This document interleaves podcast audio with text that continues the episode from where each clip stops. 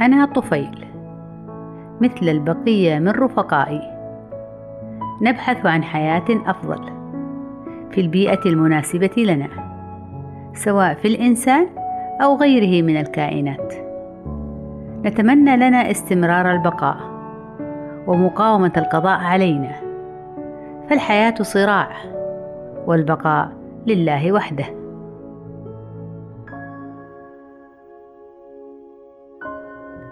في حظيرة صغيرة تحوي جمال كثيرة عشت سنوات مثيرة. أتسلط على كل الجمال قابعة بين جلدها ووبرها. أزعجها باستمرار وفي كل حين ثاقبة جلدها وغارزة خرطومي فيها كي أمتص دماءها ببراعة. محدثة لها قلق وأذى وانزعاج شديد. لكنه قد تحين ساعة طردنا عند نفضها لأجسامنا فإننا نتساقط جميعنا من على جلدها رغما عن مهارة أرجلنا المخلبية.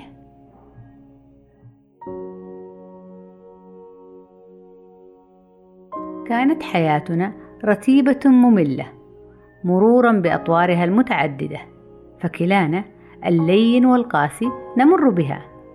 بدءا من طور البويضات حتى سن البلوغ مرورا بمرحلتي اليرقات والحوريات المتبادلة بين الأرض وأجسام الثدييات محدثين تقليلا في إنتاجية الحيوانات التي نتطفل عليها وناقلين لها العديد من الأمراض الفتاكة وخاصة طفيليات الدم.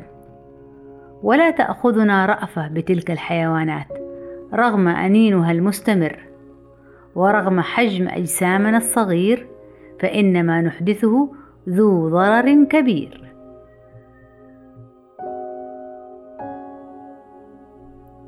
وذات يوم وبعد أن سقطت أرضا تعلقت حبا بين أصابع قدمي ذلك الراعي في حظيرة جماله الصغيرة حيث كان يتجول فيها حافي القدمين التصقت جيدا بجلده شاكرة إلهي على فضله.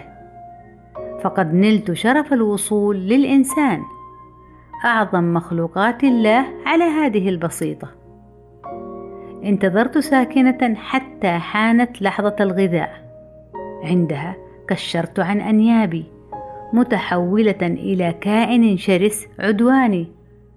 غرزت أجزاء فمي في جلده.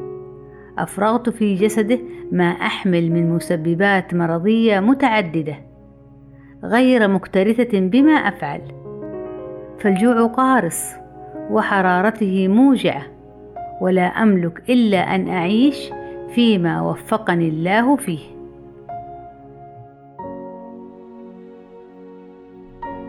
كنت أنثى نشيطة شرهة تحمل هم نفسها في الحصول على غذائها.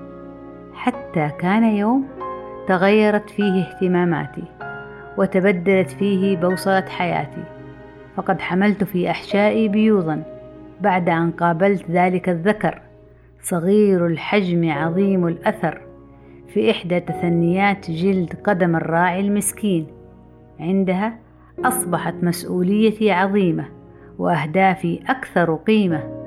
كنت أمتص الدم بغزارة خوفا على بيوضي حتى أصبحت حشرة كبيرة الحجم ممتلئة بالدم ومع كل وجبة طعام هنية أفرغ ما أحمل من ميكروبات وطفيليات. منها ما هو خطير مدمر يفتك ببني البشر سريعا لكونه يتسبب إما عن بكتيريا مزعجة أو فيروسات قاتلة.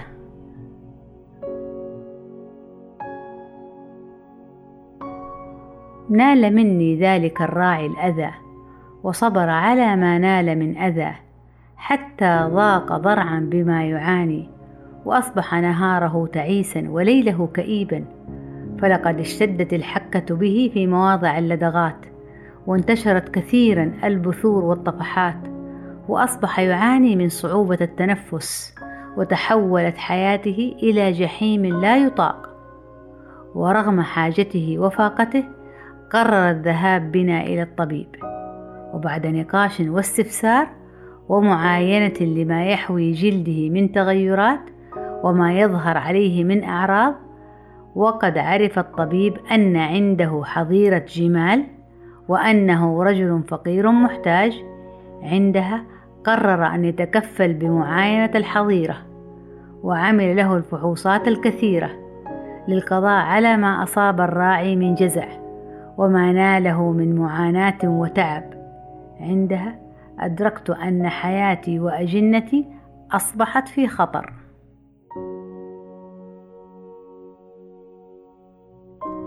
حزنت على مصيرنا وما آلت إليه حياتنا وتمنيت أن ما حدث لم يكن ليحدث.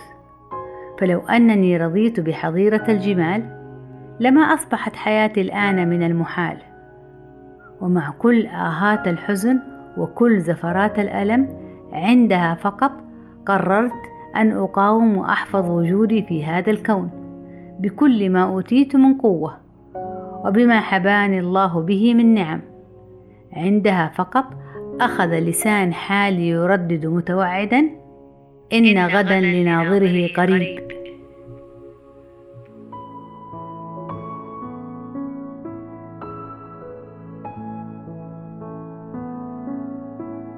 سمعتم الحكاية وعرفتم الرواية وكانت النهاية.